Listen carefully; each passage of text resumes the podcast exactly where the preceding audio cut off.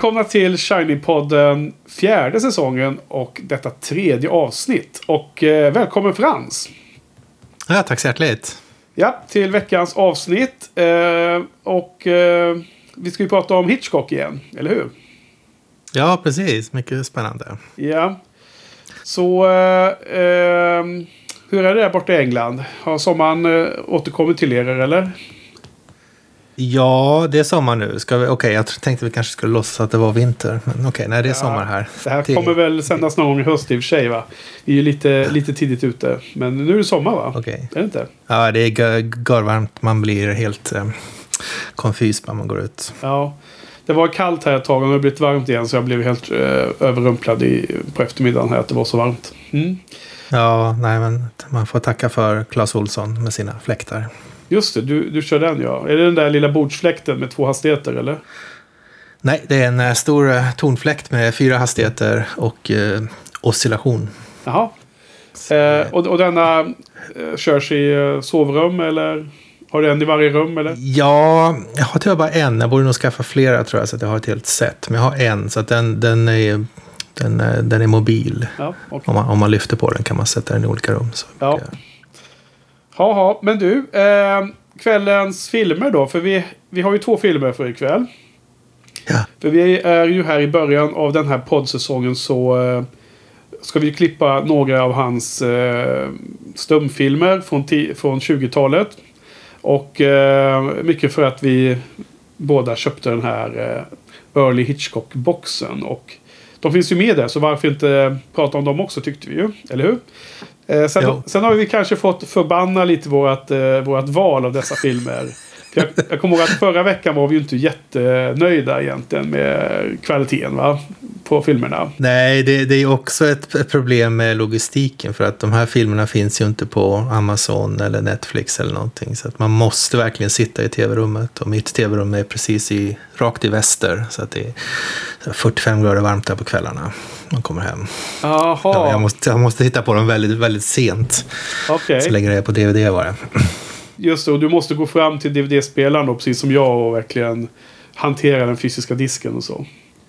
Ja, inte bara det. Man måste verkligen sitta i det rummet. Om man hade haft eh, de här senare filmerna hoppas jag kommer finnas på, på andra på Amazon och sånt till exempel. Så att man kan titta på dem på, på sin eh, tablett eller Ja. på sin dator. Okej, ja, nej, jag har ju köpt många av filmerna på Blu-ray faktiskt. Så att jag kommer nog se den på det formatet fortfarande. Men jag har sidan ingen eh, sol som skiner in här i filmrummet. Men okej. Eh, men det är i alla fall anledningen till att vi eh, ser på några av de här äldre filmerna som vi kanske normalt sett inte hade valt i första hand. Eh, och eh, det är väl den nästa veckas film som var egentligen huvudorsaken till att jag sökte efter den här, eh, efter, eller att jag hittade den här boxen. För det var den här filmen Blackmail som jag letade efter att få tag på. Och den Okej. hittade jag. Eh, jag tror faktiskt att det bara var i den här boxen som jag såg att den fanns till salu just nu. Så Blackmail eh, kommer ju nästa vecka. Och det är, det är hans första talfilm då. då. Och eh, i den eh, DVD-utgåvan då som ingår i boxen så finns det en eh, ganska lång dokumentär också om den. Så det ska bli jättespännande. Jag hade tänkt att jag skulle okej. försöka se den också inför poddningen. Men ikväll är det två filmer. Och eh, den första är ju en film som heter Champagne. Och den är från 1928. Och är då en eh, stumfilm då. Eftersom båda, båda kvällens filmer är ju stumfilmer. Så eh, ja. 28, 28, det var, var de vi såg förra veckan var från 27 bara två, eller var det? Eh, jag kommer inte riktigt ihåg. Det var inte en 28, 27 och en 28 kanske. Något sånt där. För, Ja, det kanske var. De, de, de kom väldigt pang, pang på varandra. Där. ja, jag tror att han gjorde... De här första gänget så gjorde han ofta flera per samma år. Ja. Mm. Lite, lite nyfiken på vad du hade för förväntningar på den här filmen. För att det, den har väl kanske inte det bästa ryktet bland eh, filmvetarna. Ja, eh, jag tror att du nämnde någonting om att han hade låga betyg på IMDB, eller? Var det så också? Ja, precis. Jag hade ju tyvärr, brukar ju försöka undvika det, men tyvärr hade jag gått, råkat se vad den hade för betyg där. Och då, då, då ställs man ju in på att det ska vara en kanske lite, lite mer eh, marginell film. Ja. Ah, Så först och främst så hade jag ju ingen aning om dessa filmer innan vi ens började, eh, innan vi började prata om podden och började hitta listan som vi skulle, eller ta fram listan som vi skulle podda om. Eh, den här The Lodger tyckte jag, som, den som vi började med, den, eh, den insåg man ganska snart att det var den stumfilm som flest nämnde som den viktigaste att se.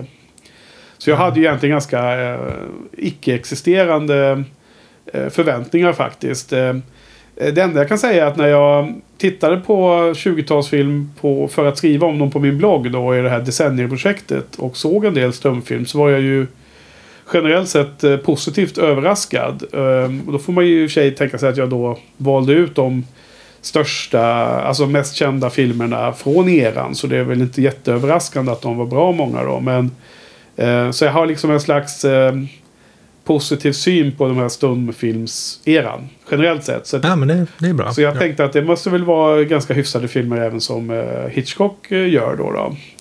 Nu är han ju då i och för sig ganska tidigt i sin karriär, eller hur? Det känns ju som att han fortfarande söker efter sin, eh, sin, sitt eh, filmiska språk, va? Eller vad, eller vad tycker du? Ja, precis. Man, jag tycker man ser han liksom testar olika saker. Man ser liksom väldigt tydliga exempel på här, här har han, vi kommer kanske komma in på det senare, men här har han testat en sån grej. Liksom. Och så, det är som att, nästan som att det blir ett ihopklipp av olika, av olika försök. Och sen så får, kanske han väljer ut det som funkar till att Ja, använda det i senare filmer på ett mer, på ett mer koordinerat sätt. precis. Får se. Men sen i den här intervjuboken då, eh, Hitchcock, eh, eller Truffaut Hitch- Hitchcock, så, så nämner de ju alla filmer som jag förstår det. Och, och jag, jag bläddrade lite i den inför att vi skulle se de här eh, första filmerna för ett tag sedan. Och då, då ville inte ens Hitchcock prata om champagne. Det var liksom, han tyckte att den var tydligen extremt minor. Så lite, lite oklart varför de har tagit med den i den här boxen då. då. Eh, För Han, han gillar inte hon skådespelerskan heller. Va? Ja, precis. Det, det förstod man ju också. Man, eh, för i boxen så finns det ju en sån intro av en galen fransk filmvetare som vi, vi lärde oss snabbt att inte titta på introt innan filmen för han, eh, han spoilar lätt också väldigt mycket i dem ju. Men han, han pratade också om det att det här, eh, han inte riktigt var... Hitchcock gillar inte riktigt den här kvinnliga huvudrollsinnehavaren. Ja, just det. Det, var, det Hitchcock. Eller i champagne. Men du, eh, vad, vad, vad, vad, vad handlar filmen om då? Vad, vad har den för någon eh, inledning? Vad, vad är det för något? Ja, alltså det allra första man ser, det här är som en liten eh, snedspark då, men det, jag har tänkt på det på de tidigare filmerna, men jag har inte kommit till skott och fråga om det förrän nu. Det första som händer är att man får se en stor svart skylt där det står godkänd av brittiska filmsensormyndigheten. Ja. ja. Ja, det är ganska spektakulärt. Jag antar att det här fortfarande sker, men att det sker mera i bakgrunden nu, för man, man ser väl inte de här stora svarta skyltarna på moderna filmer. Jag har i alla fall aldrig tänkt på det. Nej, men det gör man ju inte såklart. Och, eh, hur det är i England har, har jag ingen aning om. Men i Sverige har man ju faktiskt slutat med filmcensuren. Så den här, Okej, så den här byrån som fanns när vi var yngre och som var inne och klippte i, i Sylvester Stallone och Arnold Schwarzenegger actionfilmerna. De, de eh, finns inte längre. De avvecklade sig. Ja, ja. Ja, Jag försöker läsa på lite här innan hur det var i England. Jag tyckte att det var... Informationen jag hittade var inte, inte konsekvent. Så jag vet inte om vilket, vad som man kan lita på där egentligen. Eh, Oerhört intressant frågeställning i alla fall. Så bra att vi tog upp Ja, det. det var bara en litet inlägg. Jag tänkte nu nu ska jag komma ihåg att Ja. nämna det här. För Nej då, men det här måste vi reda ut under säsongen. Innan poddsäsongen är över så måste vi ha rätt ut hur det är i England. Men, men jag har nog aldrig sett någon sån skylt på någon nyare filmer. eh. Eh, Men det, det är inte lustigt hur, hur annorlunda det är. Jag menar, något man mer tänker på, och det gäller ju väldigt länge, alltså vad ska det vara? 40-50-tal i alla fall. Kanske till och med 60-tal. Det är ju att filmerna tar abrupt slut. Det står bara the end och sen är det bara slut. Ja. Liksom det, det är inte en centimeter extra av film som, som, som används för att skriva uh, vilka som spelat och sådär. Liksom. Och nu för tiden har man ju kanske 5-10 minuter bara liksom eh, den oändliga mängden folk som är med och gör uh, digitala effekter eller vad det kan vara. Ja, ja, just det. Okej. Nej, men vad... Nej, nej, men sen, Ja. Sen efter den skylten då så kommer ju musiken och jag var ganska nyfiken på att på att höra eller försöka för, se vad han, vad han har fått ha för hyss för sig nu. Jag antar att det är samma snubbe som Ja. har gjort den moderna musiken till alla de här filmerna. För jag tyckte i första filmen så var det väldigt Stravinsky-inspirerat och i andra filmen så var det väldigt likt eh, Prokofjev. Så jag tänkte han kanske betar av eh, dåtida kompositörer en efter en och liksom gör det inspirerat av dem. Så att här, i den här filmen så börjar musiken direkt med något fransk-inspirerat tror jag. Någon satie eller chanson eller något sånt där. Okej. Okay.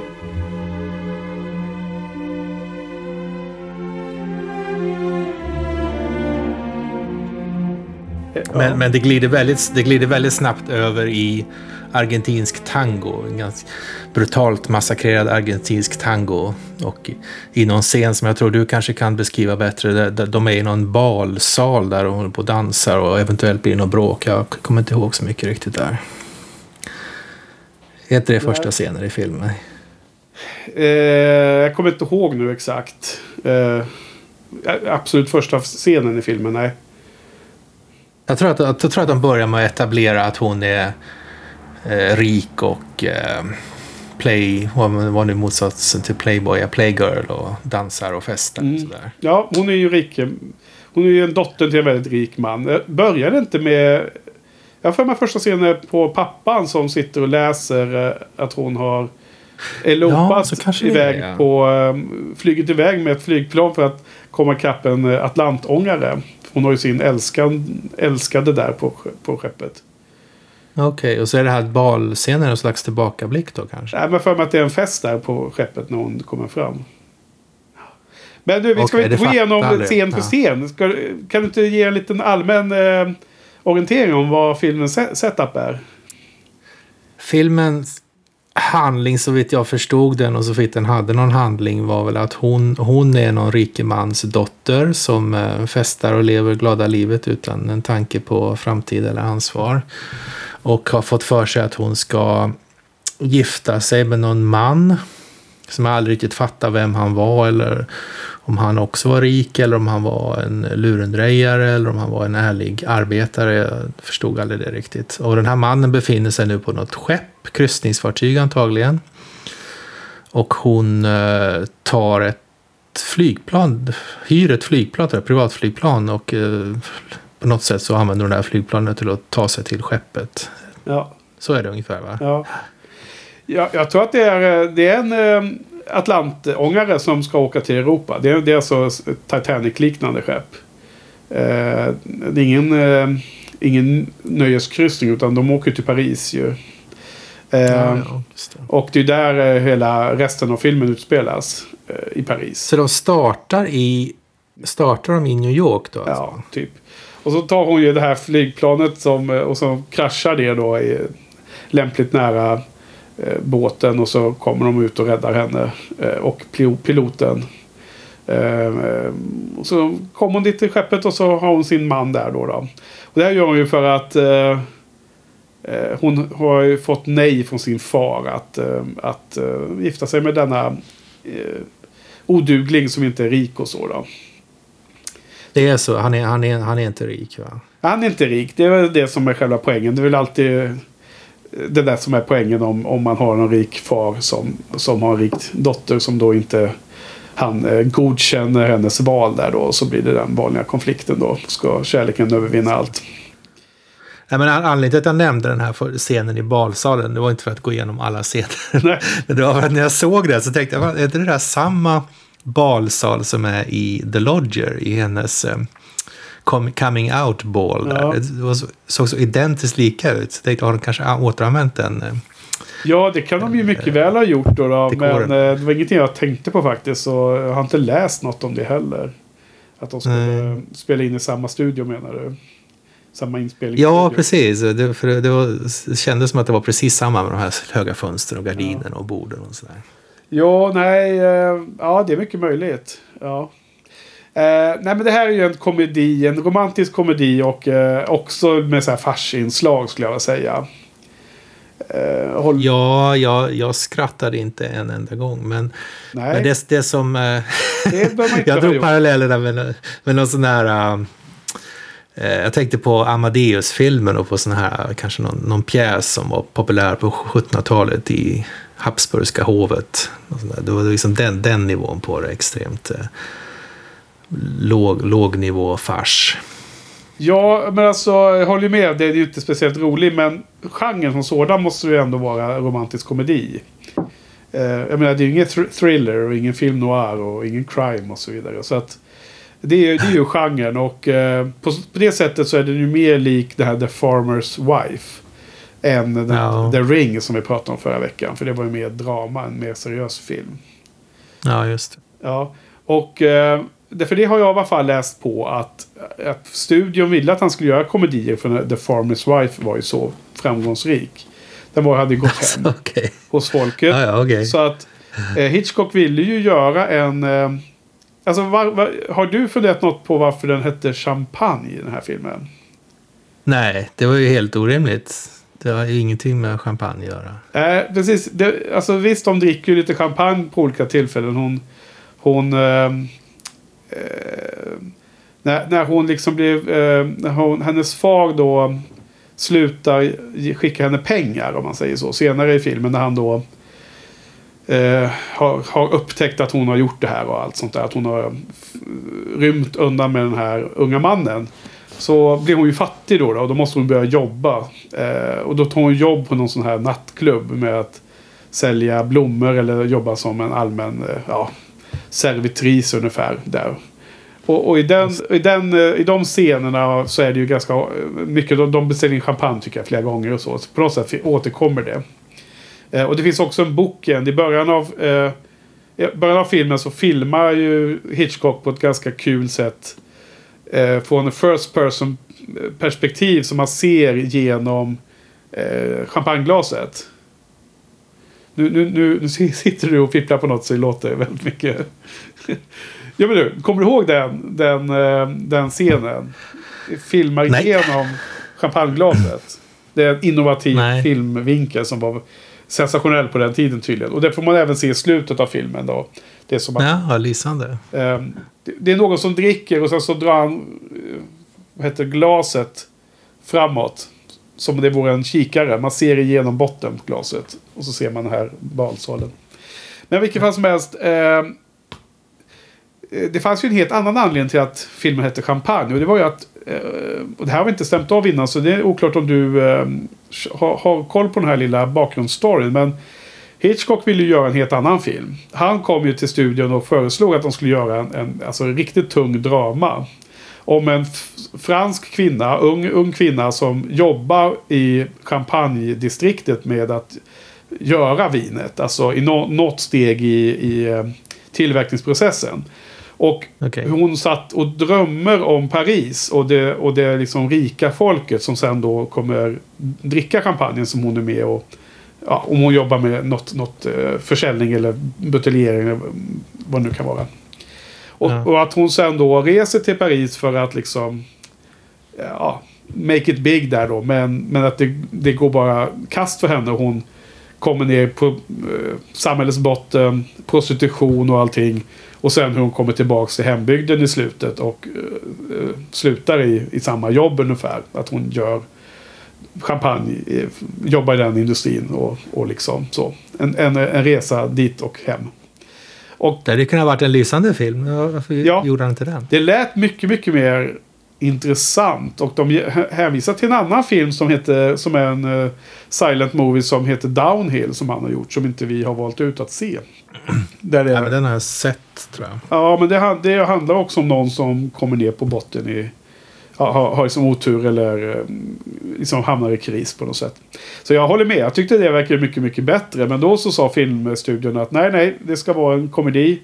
Så att de behöll namnet verkar det som då. Men de, men de, men de tog ju något, eh, någon så här romantisk komedi, eh, någon, någon bok eller en pjäs som då fanns. Ja. Ja, ja. Nej, men så att eh, det här var ju riktigt kast tyckte jag. Alltså, det var ju inte alls upp, upplyftande. Eh, vad säger du? Nej, det var ju brutalt dåligt. Ja. Alltså. Historien var helt ointressant och eh, ganska, vad ska man säga, o... Det finns ett ord jag letar efter. O, eh, osammanhängande berättat liksom. Ja. Det, det fanns ingen, ingen tråd i det. Och, Nej, och precis. S- skådespelarinsatserna var inte speciellt bra. Det var liksom inga beskrivningar. men Relationerna var helt, helt, och gick inte att ta på allvar. Liksom. Ingenting funkade. Nej, de etablerar inte kärleksparet överhuvudtaget. Så att man Nej. fick aldrig något engagemang med att de skulle få varandra eller klara sig. Så det var ju en total miss om man säger så. Ehm, eh, hon framställs som ganska korkad. Och man kanske kan förstå att Hitchcock inte hyrde, alltså vad heter det? Hired på engelska. Alltså inte anställde henne igen som skådis i nya filmer. För att hon var ju inte jättelysande stjärna, eller håller du med? Ja, nej precis. Jag tyckte inte någon av dem var speciellt bra. Pappan tyckte han lyckades inte förmedla något av det som han antar att han skulle förmedla. Att han var upprörd eller arg eller att han var eh, glad att hon kom tillbaka. Eller att han, ja. Nej, för, när han, han avslöjade. För sen, ja, för sen är det ju den här tjommiga storyn att han, han, dyker upp i Paris och eh, ljuger för dottern, alltså lurar dottern att, att tro att de har blivit utfattiga. Men han, han, han, bara hittar på, han bara gör det här som ett test för att se hur hon skulle klara sig själv då.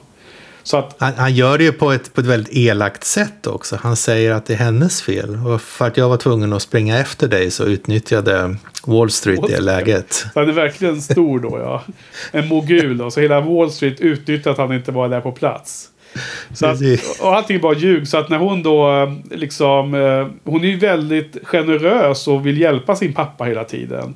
Hon har typ inga pengar och ändå ska hon bjuda honom på massa grejer. Och då, då var han typ så nej men jag måste gå ut lite. Så går han ju på lyxkrog och äter sig mätt liksom. Medan hon då vill Så det var ju lite absurd så. Då. Men det var den, här, den, den typens humor. Liksom. Den, den tidens humor.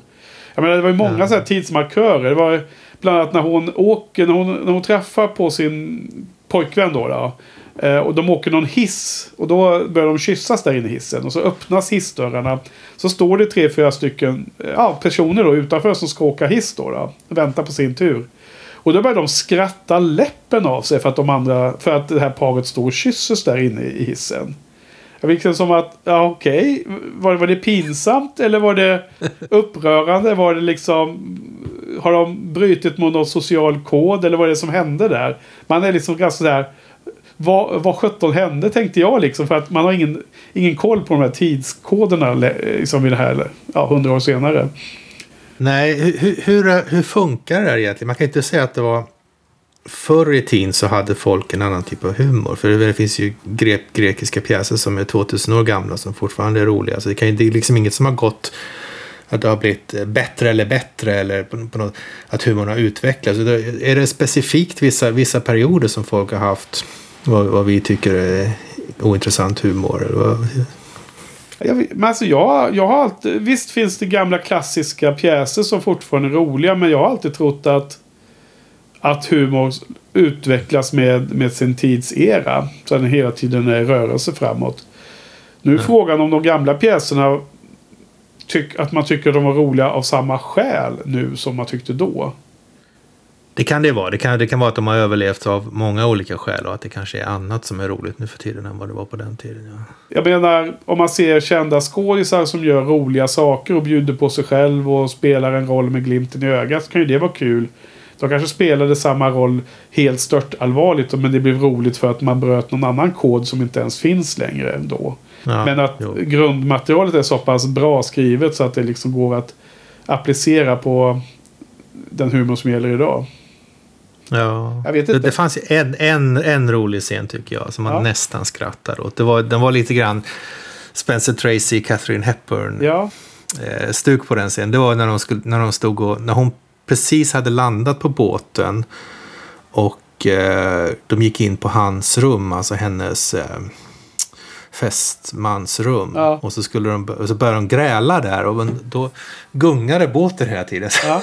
att de föll i alla möjliga olika riktningar. Ja. Det, det, det, var ganska komiskt. Det, det, var ganska roligt därför att Ja, jag, jag kommer ihåg att det började så. För sen så Sen så får man se hur de går från hytterna till eh, matsalen och det gungar ju hela tiden. Och då, det är ganska tydligt att de gör de visualiserar att båten gungar genom att vicka på kameran framåt. Ja.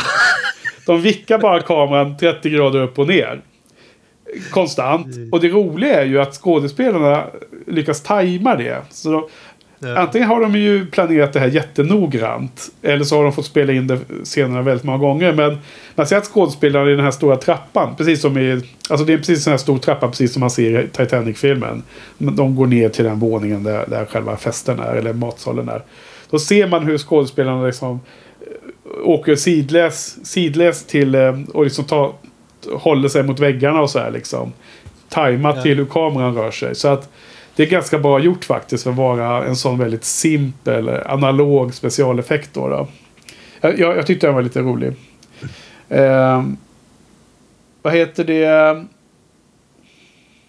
Jag, jag, jag, jag tyckte att det var en lite rolig scen när hon, eh, hon skulle... De var ju på någon klubb i Paris. Och som, eh, de skulle sitta och äta och de drack champagne och så. Och så var det folk som dansade där. Det var ett dansgolv. Och det var liksom hela tiden för litet. Så att det var extremt mycket folk för mycket. Så att folk som dansade ända ut till borden och lite över borden. Och det var liksom så, så jäkla trångt hela tiden. Det var en sån Ja. hysterisk scen som var lite så här o, oklart varför de ville spela det så. För de kunde ju lätt bara ha tagit bort några par. Och hade fått en lite mer eh, mindre kaotisk. Det var där hon satt i stolen och hade sina jazzhänder när hon blev lite... Hon skulle liksom vara lite sprallig ett tag där. Var det när hon jobbade där när hon var Ja, rik? det var när hon jobbade där och den här eh, andra upp... eh, Den här lite äldre mannen som uppvaktade henne hela tiden. Eh, dök upp där och hon liksom hängde med honom där och satt vid hans bord och drack champagne. Och sen dök ju pojkvännen upp och blev svartsjuk. För det är det här klassiska triangeldrama, svartsjuka. Eh, den här äldre mannen var ju då inte en ond eh, eh, lustfylld eh, herre som ville ha sex bara. Utan det var ju en, en detektiv hyrd av pappan att hålla koll på henne. Ja, precis. Så var det. Så, så att det var ju hela tiden att de lekte med den här svartsjukan som var helt i onödan då. då. Eh, för i slutet så fick ju paret sig för alla lyssnarna som inte orkar se den här filmen. Nej, den, den var riktigt jävla dålig alltså. Det, jag somnade flera gånger och fick liksom spola tillbaka och sådär. För att det är som du säger, de här, eh, som du sa förra veckan, de här eh, eh, vad heter Silent Movies stumfilmerna. som man tittar bort en stund, de har ju missat halva handlingen. Ja. Va- för, för det är ju ganska intressant att se film på det här sättet. För man får verkligen vara engagerad. Ja. Tyvärr är det, är det inte så bra. Det, det är inte någon Charlie Chaplin-nivå på det här. Alltså. Eh, Det är inte någon, Nej, det är inte nej. Mm. någon City Lights direkt. Nej men du. Har- vi- Jag tror att vi har en eh, något mer, mer intressant film att prata om eh, här efter. Så ska vi avrunda den här lite eller? För men det var inte jättemycket att Ja, det, jag tycker att det va? räcker. Det, det räcker. Eh, alltså det, det jag tycker att det är lite fel genre för Hitchcock. Åtminstone tidiga Hitchcock. Eh, Romantisk Ja, komedi precis, med farsinslag. Det är inte hans grej. Kan vi vara överens om det? Nej, nej precis. Att, han har testat det två, två gånger nu. Det funkar inte. Ja. Och det, det är ganska viktigt vilka skådisar han har och så. Och eh, du, du kanske missar det. Du nämnde pappan utan att nämna det i alla fall. Men du såg väl att det är samma skådis som redan varit med två gånger? Nej, det har jag inte alls ens tänkt på. Nej, för att det är väldigt tydligt att Hitchcock återanvänder skådisar väldigt mycket. För det ser man eh, ännu mer i nästa film. Så pappan här, eh, så för övrigt har ett roligt eh, ansikte. Han är så här gummiansikte, kan göra massor med grimaser. Och här har jag att han att det rycker i kinden när han blir irriterad. Ja. Tänkte du på det? Att han sitter och läser om dottern i tidningen så börjar det rycka i kinden på honom. Det är hans nervösa Ja, jo. Det var det jag menade. Det var inte alls trovärdigt. Nej. Ja. Men det, han, han är lite rolig. Han var ju med både i The Ring och The Farmer's Wife. Han är ju den här eh, tränaren i The Ring och han är den här eh, eh, far, alltså bondens eh, manliga anställde. I de här Jaha, drängen. Alfred. Drängen, precis. Och han har ju det här eh, gummiansiktet eh, och utnyttjar det i båda de tidigare filmerna. Okej, så då har de gjort honom mycket, mycket äldre i den här filmen. Ja, eh, det är inte jättemycket äldre. Jag tror att han är lite så här, eh, har, eh, typ någon eh, peru, sminkad på något sätt. Ja, de har väl... Ja, Sminkar ja på. precis. Ja, men vad, vad, vad tyckte du om det här då? Har du något betyg eller? Ja, jag tycker att eh, den hade ändå vissa starka drag som den här scenen när den gung, gungande skeppet. Och det var också en annan scen där, var, där hon blev väskryckt. Som var filmat eh, från midjan och ner. Som var Ja. lite spektakulär tycker jag. Så att jag, jag ger den ändå en stark nolla. Den 0,5. Okej, det är lägsta betyget som finns. Ja. Jag, jag har inte börjat eh, använda 0,5 faktiskt. Jag ger den 1 av 5. Eh, Okej, jag, ja. jag tyckte inte att filmen var bra. Den, den är inte att rekommendera eh, om man inte ska se typ alla Hitchcock-filmer. Den här måste ligga bland de sista. Men det var ju en del, det var ju någon mer kul sak. Det var att de faktiskt hade en sån drömsekvens som var lite överraskande. Hon, hon såg en scen som sen eh, visades om som ett annorlunda resultat. Så att den första gången var det bara någonting som hon fantiserade om. Och det, det vet, jag, vet jag inte om det var så vanligt att göra i film. Det kändes som att det var ett, eh, ett intressant grepp som man använder nu för tiden. Så det kändes modernt om man säger så. En modernt eh, touch på det. Men det räcker ju inte för att hjälpa en hel film om man säger så. Den var ju ändå 90 minuter den här liksom. Ja, ja, Ja. visst. Nej. Så jag, jag, jag tycker vi lämnar den.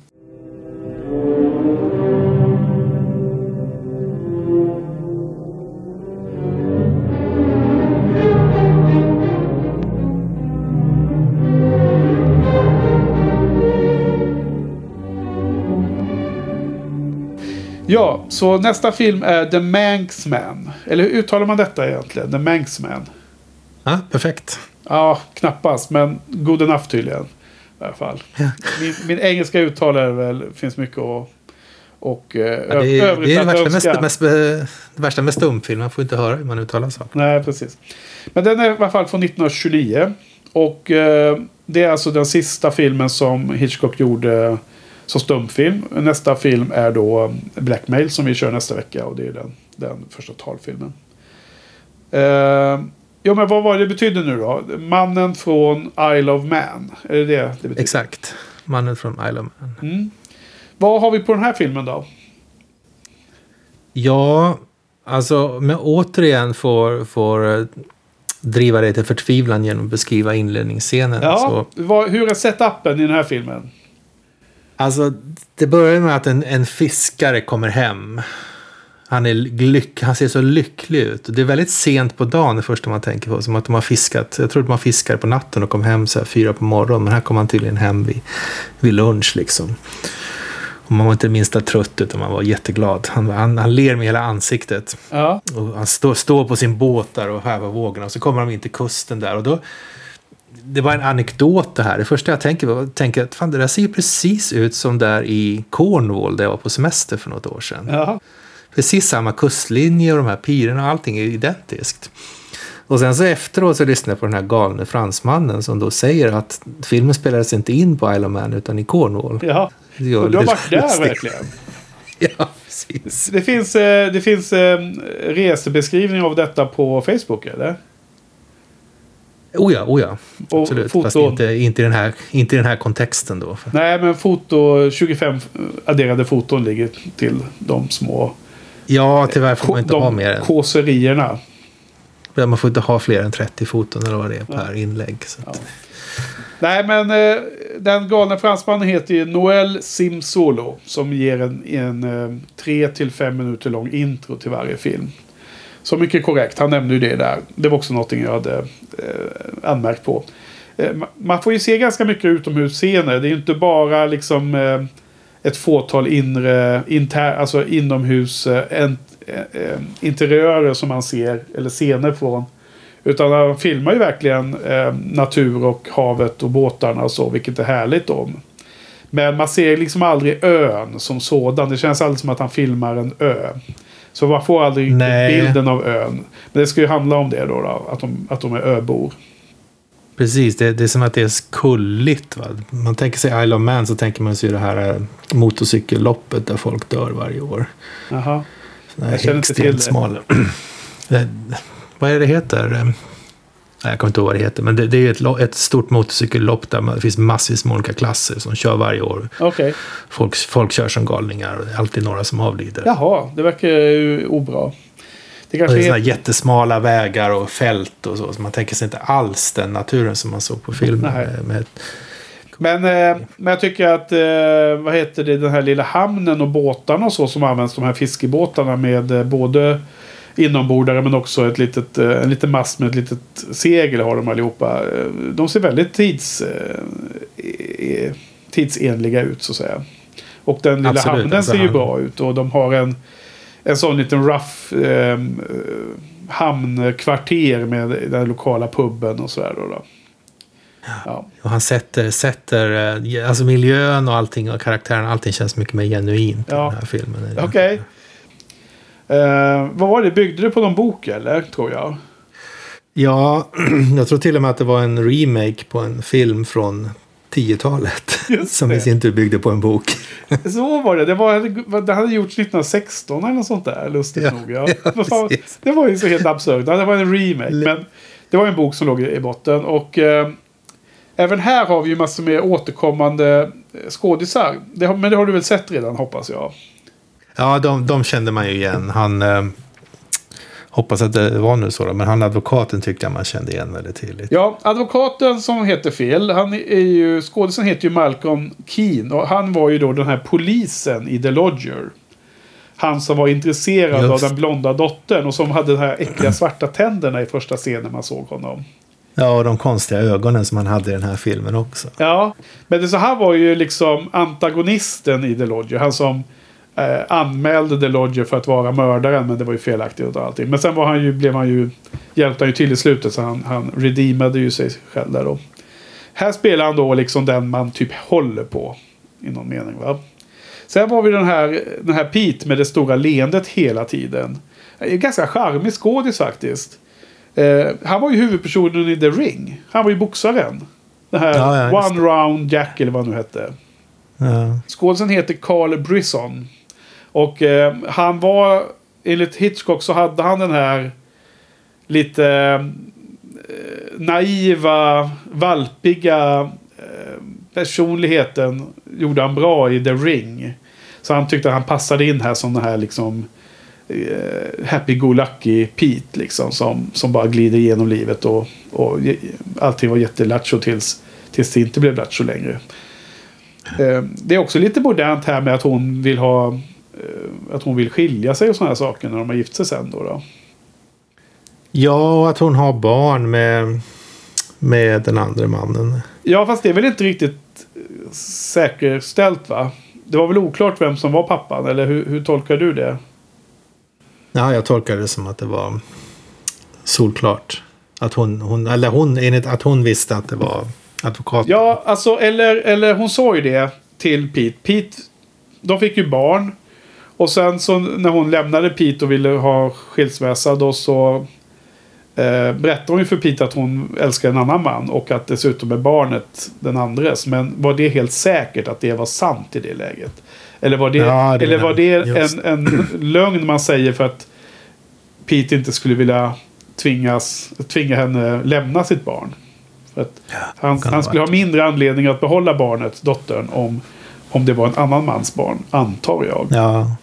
Jo, men det, det skulle kunna vara en rimlig tolkning också. Ja, jag, var bara, jag bara, bara kände att det, var, det fanns, en, eh, fanns en liten osäkerhet där som kändes som att filmen blev lite, hade lite mer djup. Om, om, om man funderar på de sakerna. Eh, sen då, Kate. Hon eh, spelas av den här skådisen som heter Annie Ondra. Med östeuropeiskt utspr- ursprung tror jag. Och som hade varit filmskådis i Tyskland. Och sen plockades över av eh, Hitchcock. Och som senare sp- spelade i flera av hans filmer. Inklusive är det den kvinnliga huvudpersonen i nästa film, Blackmail. Okej. Och det här var ju enligt eh, den här galna fransosen Noel Simsolos, eh, Hitchcocks första sån där kvinnliga stjärna som han liksom jobbade med. Och eh, hade flera filmer och hade som favorit om man säger så. Använder inte till och med uttrycket den första Hitchcock-blondinen?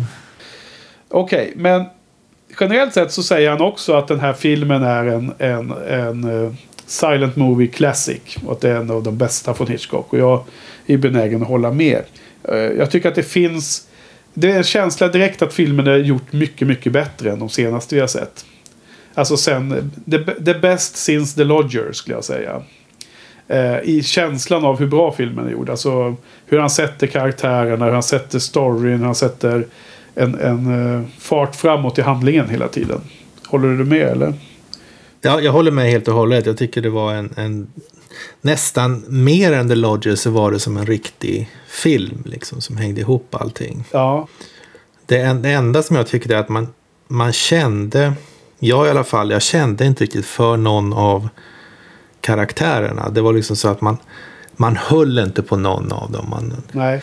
liksom, till slutet blev bara okej, okay, det var det som det var så det löstes upp. Liksom. Ja. Det, Nej, och jag, jag håller med för att det, det är så väldigt eh, kopplat till den tiden med den här, det här eh, löftet om att vara trogen och det här barndoms... Okej, okay, att man kan väl tänka sig att eh, två manliga barndomsvänner, att den ena kan lova den andra att man inte ska limma på hans flickvän. Men samtidigt är det så många chanser under filmens gång som de får att avstyra att det går så långt att hon gifter sig med fel, fel person som hon inte var förälskad i ens någon gång.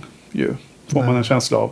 Och då blir det lite så här att det, det blir ju bättre, mer dramatiskt när det är filmer med eh, så här eh, hjärt... Eh, tågdrypande hjärtefilm, alltså få, filmer om, om hjärtesorg där man kan verkligen engagera sig i karaktärernas väl och ve. Jag tycker att Precis. deras beteende är lite för... De diskvalificeras för att man ska bry sig så himla mycket om att de får att de får leva i olycka. Liksom, för att de inte får leva med sin älskade. Liksom. Eh, nu, nu blir ju slutet så här att, att hon, hon blir av med Pete och, och, och det blir hon och Phil. Men, men han får avgå från sin tjänst då som Deemster som han äntligen uppnått och allt det här. Då, då. För att det är ju, skammen är ju så oändligt stor för att han har eh, liksom haft någonting att göra med sin kompis fru. Då, då. Så, att, så var det ju då. Ja, precis. Det var lite mer intrikat för att hon, hon försökte begå självmord, va? vilket var olagligt på Ja. den tiden. Så att han, han skulle ju då tvingas döma henne för det här självmordsförsöket. Just det. Och det var under den rättegången där som allt det här uppdagades. Va? Som han slängde, slängde peruken, alla har ju peruk Ja, fortfarande i England. Fortfarande ja. Slängde peruken och sa att jag, jag har inte rätt att moralisk rätt att ha det här ämbetet. Jag säger upp mig på stående fot. Ja. Ja, det, var många, det var en bra scen. Och eh, det kommenterade också fransmannen att det var första av många filmer som Hitchcock kommer ha i rättegångsscener. Och det tycker jag oftast är väldigt bra. Så det ser jag fram emot att se i fler filmer. Ja, härligt. härligt. Men alltså, han, det var ju flera saker som var intressant där. På den här tiden så var alltså självmord eh, liktydigt med mord i England. Du har då mördat eh, personen dig själv. Så det var mord. Så hon hade blivit, och det var även då alltså belagt med eh, medhjälp till mord om man und, undvek att hjälpa någon som Alltså försöka stoppa ett mord. Det var man också tvingad att göra enligt lag då på den tiden. Eh, sen ska hon ju dömas för detta då. Men då, då var det ett problem att hon inte hade uppgivit sitt namn. Därför att när man ställdes inför rätta skulle någon prata för dig. Alltså inte en advokat utan någon från samhället skulle liksom stiga upp på podiet och säga det här är en bra människa och så, eller hur? Ja, ja, okej. jag förstår. Och- Karaktärsvittne. Ja, ja precis. Bra. Eh, jag sökte ordet. Och då var det ju Pete då som gjorde det. För det var ju hans fru. Som, som hon hade ju lämnat honom. Han visste ju inte var hon var. Och han upptäckte att Åh nej, hon har liksom försökt ta livet av sig och jag måste rädda min älskade fru. Och han, var ju, alltså, han var ju glad hela tiden. Han var ju jätteförtjust i henne. Och man fick aldrig någon känsla av att han var en dålig eh, äkta make heller. Det var ju inte så att han var ett svin på något sätt. utan Han var ju bara glad hela tiden.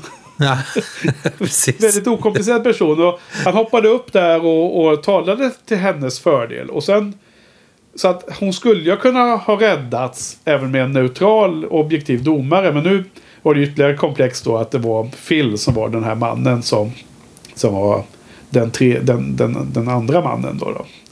Men, Och sen när han då eh, skulle avgå då sa jag att jag kan inte... Jag har inte moralisk rätt att döma mina med med, med fellow, fellow man liksom. För att jag har dålig moral själv då. Det var ju så han kom fram till Just det. det. Nej, Alltså, det var Ja, eh, släng, slängde peruken. djupa, djupa känslor.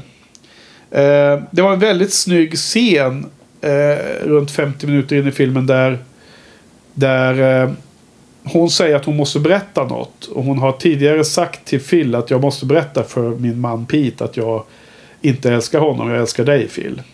Och sen när, när Pete kommer hem och, och Kate är där, de står i köket där, eller all, allrummet framför den öppna eh, elden, öppna spisen. Då säger hon, jag måste berätta något. Och sen är det ju en stumfilm då, så man hör ju inte vad hon säger. Och det är inga titles card på ganska länge. Du ser bara scenen spelas ut. Och ja, jag uppfattade det som att det var helt självklart att hon skulle berätta att nu lämnar... Hon vill lämna sin man och hon har en annan älskare. Men det är inte det hon säger. Så att Hitchcock luras ju där. Han, han gör introt och all, all, allt som bygger upp till scenen är att hon ska avslöja att hon, är, hon ska lämna sin man. Men det hon berättar istället är att hon är gravid. Ja. Så att från att tro att man ska få se Pete bli som bryta ihop eller bli ledsen eller arg eller slita sitt hår i förtvivlan. Så börjar han ju jubla ännu mer. Han är ju glad, han är ju glad hela tiden. Och så jublar han och dansar runt och så här. Och så ser man på hans ord och så ser han att han säger I'm gonna be a father. Och då förstår man, jaha, Ja, det var precis, det hon precis. berättade istället.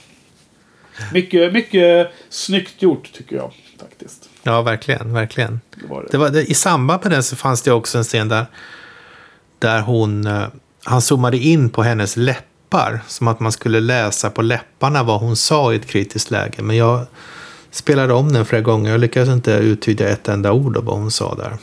Nej, okej. Vad kan det varit då? Min pinkod är 1279. Ja, det var min Så. första tanke. Ja.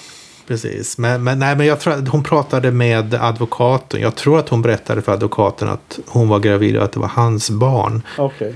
Men jag ly- lyckades aldrig liksom... det- För i, det var ju i eh, The Lodge va, där han också hade gjort en sån teknik. Men där det var väldigt tydligt vad hon sa hela tiden. Ja, men den, Här var, det, här var det samma, fast man såg inte riktigt vad hon sa tyckte jag. men den gången du pratade om den tekniken i The Lodger så fick man väl höra vad den andra sa va? Var det inte så Ja, precis, man kanske- på hälften av konversationen? Då var det, väl, då var det ändå enklare att, att hänga med vad den, den andra sa. Så kan det ha varit, ja. Precis, att man kanske inte riktigt läste på läpparna utan att det blev underförstått. Ja. Så kan det ha varit, ja. Ja, ja. Eh, ja, ja. Nej, men... Eh, vad var det mer? Jo, men det var en ganska lite så här absurd eh, sekvens i handlingen var ju att när hon lämnade Pete och sin dotter för övrigt, vilket var lite konstigt, men ändå. Eh, då dyker hon upp hos Phil då på hans kontor där då, som är... Eh, det känns som att det är en gammal ståtlig byggnad för det är något jättehögt i tak och han har något, något stort skrivbord. Han har, det är som ett bibliotek där inne han jobbar. Och då säger hon så här. Jag, kan, jag, jag har lämnat Pete och eh, han vet inte vad jag är typ. Och jag måste liksom, jag måste hålla mig borta ungefär förstår man. Och jaha, vad ska du göra nu då? Frågar ju Phil då. Jag kan gömma mig här, säger hon. Och då, och då, då så tror man att det är liksom symboliskt på något sätt. Att eh, det är ju en orimligt, eh, orimlig plan. Och sen så klipper det ju typ till nästa dag. Men då är hon ju där och gömmer sig där. Eller hur? Hon är ju i rummet bredvid. Hon kommer ju så öppna dörren och han säger nej, nej, jag kan inte prata nu för jag sitter och jobbar här. Eh, Kommer du ihåg det? Att det nej, det- har jag förträngt. ja, ja, men så orimlig plan att okej, okej, då, det kanske går en dag eller två, men vad händer sen då när hon hon kan inte bo där resten av livet liksom. Nej, nej. Jag tror att det här sker innan hon sen går och försöker dränka sig. Så hon har väl helt, helt enkelt inte tänkt ut sin plan när hon liksom i all hast lämnar sin man och, och dotter då. Ja, nej, jag kan ha sympati för det, den reaktionen. Liksom. Jo. Lösa, lösa, lösa när, närtida problem först. Ja. ja, precis. Kanske är mitt eh, projektledar-jag som, eh, som liksom opponer, opponerar så här lite med att men vad är planen? Hur ska vi komma vidare? Vilken strategi jobbar vi med här egentligen? Uh, vad är vad i Excel-bladet? Ja, jag, jag har inga Excel-blad förrän. Allt sitter i huvudet. Ja, Oj, oj. hur är det? Har du eh, uttömt dina notes ännu eller? Eh, nej. Du, du nämnde ju att, att det var konstigt att han åkte till Afrika. Eller så till Afrika av alla ställen för att tjäna pengar. Ja. Men han, han dog i norra Sydafrika får man se på ett telegram där. Så jag tänkte om man kanske var där och jagade diamanter eller något. Var det tidsenligt på den tiden? Eh, nej, men jag vet inte detta. Och eh, det var att i filmen så står det att han, han ser någon annons ju, i någon tidning. Det står Ja, Great opportunities. The Wild Africa eller sånt där. Och då, då är det liksom bara... Jag bara tolkar det som att det är en enkelt sätt att symbolisera att han åker iväg för att tjäna pengar helt diffust. Och sen kommer han tillbaka och så har han en fin kostym på sig. Liksom. Ja, just det. Ja, och sen blir det ju det här... Det här triangeldramat blir ju förstärkt då, då i och med att det kommer nyheter om att han har dött utomlands. Och då, då så tror ju Phil och Kate att de, det kan bli då. Men sen så har, har inte Peter utan helt plötsligt så är han på väg hem istället. Och, och då, då förstärks krisen. Ja, men jag tycker att det är en, eh, inte superbra film, men jämfört med de här vi har sett här nu så är den ju bra mycket bättre än de senaste tre. Och jag tycker att det är ganska kul ändå att eh, förkovra sig i de här lite äldre filmerna. Och stumfilm har ju någon charm över sig alltså. Ehm, den nyskrivna musiken var väl inte något som jag egentligen tänkte så mycket på. Nej, det, och det, det var nästa punkt på min, eh, min, mina notes. Här, att jag tycker att han har tagit ett stort steg framåt den här den här kompositören som har fått i uppdrag att ja. skriva ny musik. Jag har inte skrivit här namnet för, första gång för första gången så tänker man inte ens på musiken. Den Nej. bara ligger där som, film, som filmmusik ska göra i bakgrunden. Ja, precis. Inte alls lika intrusive. Precis. Eh, och det också kändes som en viktigare film. Det här inte lika mm, hejsan svejsan eh, Lattjo film liksom. Jag tyckte att den var, den var ganska lik eh, filmen Stromboli med Ingrid Bergman. Som har lite, lite liknande handling. Hon är sitter på en, ö, på en, isolerad på en ö i ett olyckligt äktenskap och hon försöker fly. Så den hade, den hade lite liknande handling och också liknande stämning. Hennes hopplöshet var beskrivet på, på lite liknande sätt. Och flyktscenerna var också lite lika när hon gick över kullarna där på slutet. Ja. Fast det, det själva många detaljer i handlingen, framförallt slutet som är helt annorlunda. Men, men det, det, det kändes som att det var det var liksom paralleller där och det var samma, samma känsla och samma miljöer som i den filmen och samma, samma frågeställning. Det, du pratade om den där filmen när vi var på Sicilien va? Det är mycket möjligt ja. Vi, vi åkte ju nästan till Stromboli va? Ja, skulle vi inte åka dit just för att se för att det var den filmiska ön de hade gjort? Men så var det, det, det var, vi ja. åkte dit och skulle ta en färja men så gick färjorna, vi hade missat det, det gick bara en jättetid på morgonen och vi hade missat den eller något sånt där. Ja, svårt att parkera eller vad fan det var. Nej, det, jag tror att det var att vi hade missat färjan helt enkelt. Ja, just det. Den, den färjan som var rimlig om man skulle åka fram och tillbaka på samma dag tror jag. Ja, ja. ja så var det kanske. Eh, ja, just det. Men det, jag har inte sett den filmen alls. Är den bra då, den Ingrid Bergman-filmen? En sån, ytterligare en sån film som man tyckte var bra förut in. Jättesvårt att säga om man, om man fortfarande skulle tycka det. Ja. Man bränt, bränt sig ganska många gånger på det där. Folks filmer som man tyckte var jättebra i tonåren som nu inte Men, är bra längre. För man var lite mer pretentiös då i tonåren och ville se kulturfilm eller? Ja, och jag hade mindre referensramar. Allting som man inte hade sett något liknande förut var väl jättespännande och intressant. Ja tror att det visst många... Vad hette det? Neorealism? Den här italienska typen av film. Eller? Kanske det är mycket möjligt. Ja, ja. Du, har, du, har du sett om eh, eh, The Bicycle Thieves? Som vuxen eller? Oh ja. Det har du? Oh ja. Oh ja. Men den ja. håller i alla fall eller? Ja, den, den är jättebra. Ja. Absolut. Vad är det han säger i The Player? Good, good, very good movie, eller vad han säger. we, we, should, we should do a remake. Ja, men är det han... Är det han vem är det som säger det då? Det är han huvudpersonen. Maybe we'll do a remake. Ja, ja. Vad säger den andra? Tim, you, Tim give it a, we'll give it, you'll give it a happy ending. Ja, so, no, we'll keep it pure. So. ja, The Player är så jäkla bra alltså. Uh. Underbar satir. Nej, jag, har ju, jag såg ju... Eh, vad fasen heter den då? Cykeltjuven. Fe felaktigt översatt va? Vad heter den på svenska? Ja, det är inte så att på italienska så heter den cykeltjuvar, alltså obestämt. Ja. Så, men på engelska heter den cykeltjuv. Nej. Bicycle thief. Eller? Nej, men jag tror att... Uh, fasen. Nej, heter det inte The Bicycle Thieves? Det kanske gör. Ja, det är på svenska. Det är, det är, det är för svenska det är fel. ja, liksom bestämt, men alltså, alla tre betyder ju olika saker va? Eh, därför att det finns ju två tjuvar i filmen. Så att den svenska titeln är mest fel. Den heter ju Cykeltjuven tror jag.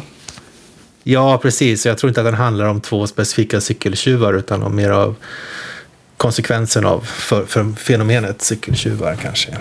Ja, men den heter ju Cykeltjuven på um, svenska. Och det verkar ju som en konstig titel då i alla fall. Ja. Uh, och sen heter den Ladri di Biciclette.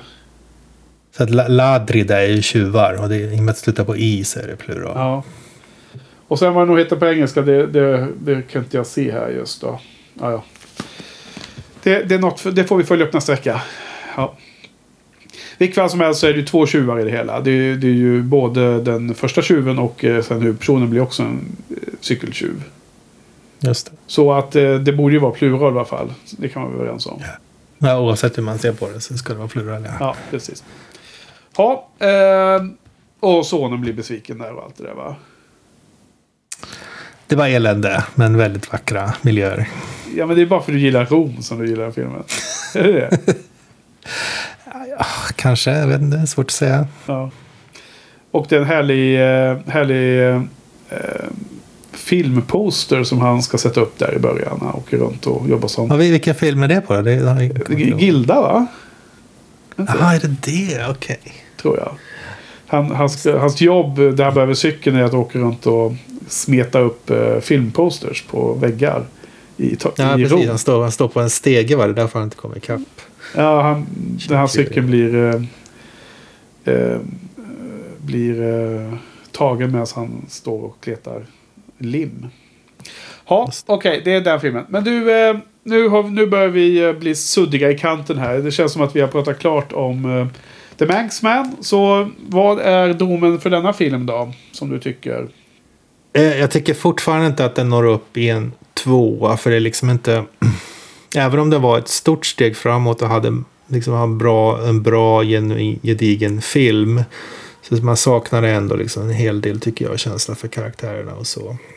Ja, Jag, jag, tycker, jag tycker jag kan ändå inte ge den en tvåa. Enligt min, min eh, tolkning av ditt betygssystem. Utan jag ger den en, en svag tvåa. Är lika med en stark etta. Eller med andra ord 1,5. jaha. Vad sa du? Var det mitt betygssystem eller du kör ditt eget antar jag? Jag försöker, jag försöker. Ditt är precis det man anser jag vara etablerat och genomtänkt. Så det försöker jag anpassa mig till. Snarare Okej. än hitta på något eget, eget som alltid kommer vara sämre. Ja, nej. Men eh, vi, vi får ha en eh, som är specifik för den här Hitchcock-podden som gäller. Eh, vad heter det? Eh, om det ska vara en riktigt rekommenderbar film så är det ju tre som gäller. Är vi överens om det eller? Tre uppåt. Ja, eller? precis. Men, men, men två ska ändå vara en film som man kan tänka sig att stoppa i DVD-spelaren om man bara vill se en film någon kväll. Liksom. Och det tyckte jag inte att det här var. Ja, jag tycker att tvåa är, eh, kan oftast vara liksom okej filmer. Eh, Helt okej om man säger så. Medan en etta och runt den ska ju vara liksom att man verkligen tycker att det här var väldigt tråkigt och så. Så att, men jag, jag, jag ger en tvåa i alla fall. Jag, jag, jag tycker den var helt okej. Jag tyckte att den var... Okej, ja, jag, bra. jag tyckte att eh, fortfarande är The Lodger den bästa av den vi har sett hittills för mig. Ja. Eh, för den var, den var visuellt eh, mer spännande och den var stämningsmässigt mycket bra och den hade en eh, otrolig feeling för någon slags tidsera som kändes som svunnen. Jag vet inte, du var inte lika förtjust i Lodger. Jag tror att jag, jag spann loss på den lite mer. Jag, jag tror att vi bara inte hade synkat betygsskalorna där. Utan att, Nej men alltså jag, jag tycker nästan att det är en, en film som om, om man är intresserad av eh, silent movies skulle man kunna se The Lodger även om man inte ger sig på ett Hitchcock-maraton. Jag tycker att den ändå känns som eh, jämfört med de andra jag såg på decennier så ligger den liksom middle of the pack. Inte den, bland de bättre men, men inte heller alls lik, alltså inte, inte sämre än många av de andra kända filmerna. Okej, nej, men det är positivt. Nej, men jag tror inte jag var riktigt lika positiv då Nej. till den filmen. Och, men jag tycker det här var klart den näst bästa. Eh, jämfört med, vi har sett fem nu då. Och det blev fem stycken silent movies i den här rundan. Från och med nästa så är det äntligen en talfilm och det tycker jag känns väldigt roligt. Eh, så jag ger den en två. Jag tycker det var helt okej faktiskt. Det fanns mycket av värde i den här. Eh, även om den inte var superbra då givetvis. Har, har, vi lagt in, har vi lagt in betygen i, i eh, databaser och sånt så vi kan börja föra statistik och korsreferera? Nej, men jag tror att du, du, du som är kodaren bland oss. Så att du får lägga in det i eh, Firefly-spelet där på eh, on, on, appen där. Så vi har som liksom en, eh, en hemlig eh, subset av den appen. Som vi också kan korsreferera alla filmerna i Hitchcock-podden. Ja, eller jag skulle till och med kunna göra en separat app. En egen app. Och det till och med. Nej, men alltså jag... Eh, eh, förra gången när jag frågade om du hade skrivit in dina betyg i Letterboxd så eh, ville jag ju försäkra dig om att jag inte har varit inne och smygtittat där för att liksom bli spoilad på, på dina betyg. Men med tanke på att du blev förvånad där över det så har jag ju inte riktigt vågat lägga in mina betyg på Letterboxd ännu. Utan det får man göra först efter man har poddat om dem då. Men där, där har vi ju det perfekta stället att följa upp våra filmer. Det är ju Letterboxd tycker jag. Absolut, men man, den ger inte den uh, mängden av statistik och korsreferenser som man skulle kunna få. Ja. Genrer till tid på dagen, veckodag, betyg och så vidare. Ja. Måste börja föra, måste ta fram all rådata. Får vi inte missa det. All. Redan, redan för sent. Ja, all eh, data som in. Vilken tid på dagen har du sett alla filmerna? Har du ja, precis. Det, det saknas ja. ja. Så det har vi redan missat tåget där lite. Nej. Ja, men du, nästa vecka, vad har du för några förväntningar inför denna första talfilm då?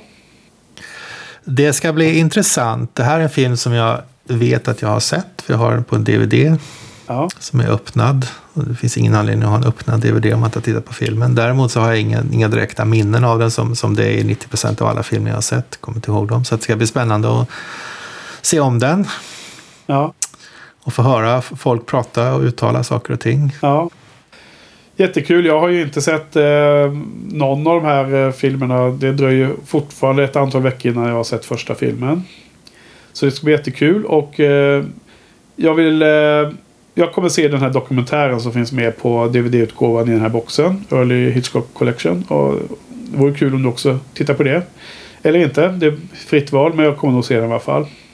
Ska man se den innan man ser den här filmen eller efteråt? Nej, nej, jag, nej, nej, nej. Jag tänker se dokumentärer och eh, annat extra material som finns på Blu-ray och annat. ser man efter man sett filmen givetvis. Ja. Annars så blir det ju... Annars så, ja, men de pratar ju alltid om filmerna och så vidare. Antar jag. Ja, precis. Jo, men det så. Jag har, Galne Fransman har jag alltid tittat på efter filmen. Ja, precis. Okej då, nej men vad, vad bra, jättetrevligt. Eh, har, vi några, har du något mer att eh, tillägga? Nej, jag tycker vi har, vi har uttömt detta ämne. Ja. Vad bra, men då är vi klara för idag Frans. Så att, eh, tack för ikväll. Ja, tack Henrik. Ja, och tack till eh, publiken att ni lyssnar. Och vi är återigen eh, nästa vecka, nästa måndag. Hej då! Hej då! Música